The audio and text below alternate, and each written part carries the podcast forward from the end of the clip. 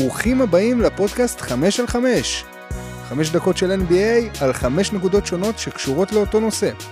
אם גם אתם אוהבים NBA ורוצים תוכן ממוקד וענייני, תישארו איתי. אני כבר אשלים לכם את החסר. אז מה היום על הפרק? היום נדבר על 5 מסקנות על ומבי מליגת הקיץ. מתחילים.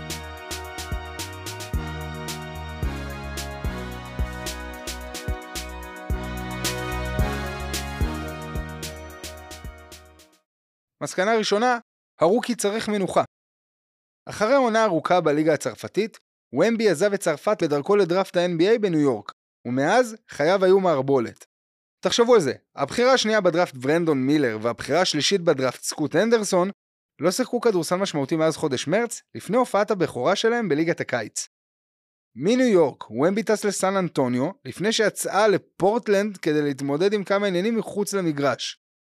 הרוקי חזר לסן אנטוניו כדי להשתתף במחנה אימונים קצר לקראת ליגת הקיץ, לפני שעלה על טיסה נוספת בשישי ביולי ללס וגאס. אולי עכשיו נראה אותו קצת מתפנן בסן אנטוניו. החוזה החדש של פופ הספרס הודיעו כי פופוביץ' חתם על חוזה לחמש שנים בשווי 80 מיליון דולרים, כדי להישאר המאמן והנשיא של המועדון. זה קרה יום אחרי שפופ בן ה-74 צפה בהופעת הבכורה של ומבניאמה בליגת הקיץ נגד שרלוט.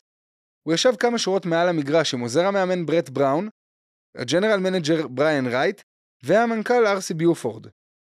פופוביץ' כבר אימן כישרונות גדולים בעבר, ועכשיו יש לו אחד חדש עם פוטנציאל להפוך לשחקן הטוב ביותר שהוא הדריך אי פעם. בהתחשב בעובדה שוומבי רק בן 19, העסקה החדשה של פופוביץ' כנראה מבטיחה שהרוקי ישחק מספר עונות תחת הדרכתו.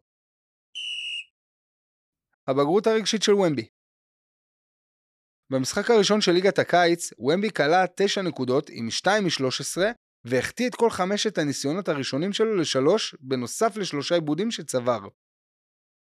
במקום לבכות על ההופעה, ומבי כינה את הבכורה שלו רגע מיוחד. ובמקביל, הודה שלא היה לו מושג כל כך מה עשה על המגרש באותו הערב. זה לא שהצרפתי היה רע. הוא סיים את המשחק עם חמש חסימות, ובמשחק השני הוא תיקן כמה מהבעיות שלו מהבכורה. אולי הוא בכלל שיפר את הסיכויים שלו לתת הופעה טובה במשחק השני, עם החלטה נבונה שקיבל בלילה לפני. הוא היה אמור להגיע ביום שבת למסיבת שחקני ליגת הקיץ במועדון ה TAO, בהנחיית מנכ"ל Fanatics מייקל רובין, בשיתוף עם איגוד שחקני ה-NBA.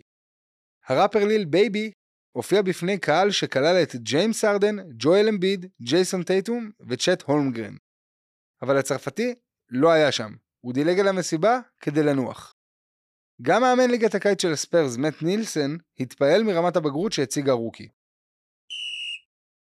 תחומים לשיפור בגובה 2 מטרים ו-26 סנטימטרים, הצרפתי מציג יכולת כדרור מדהימה, שיכולה להיות ברכה וקללה.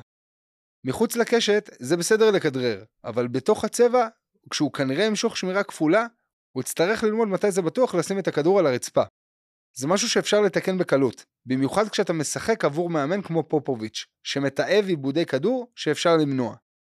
הוא יצטרך לשפר את האחוזים משלוש, אבל אני הייתי מעדיף לראות אותו קודם משחק בפנים, ורק אחר כך יוצא החוצה, קצת כמו התהליך שיאניס עשה.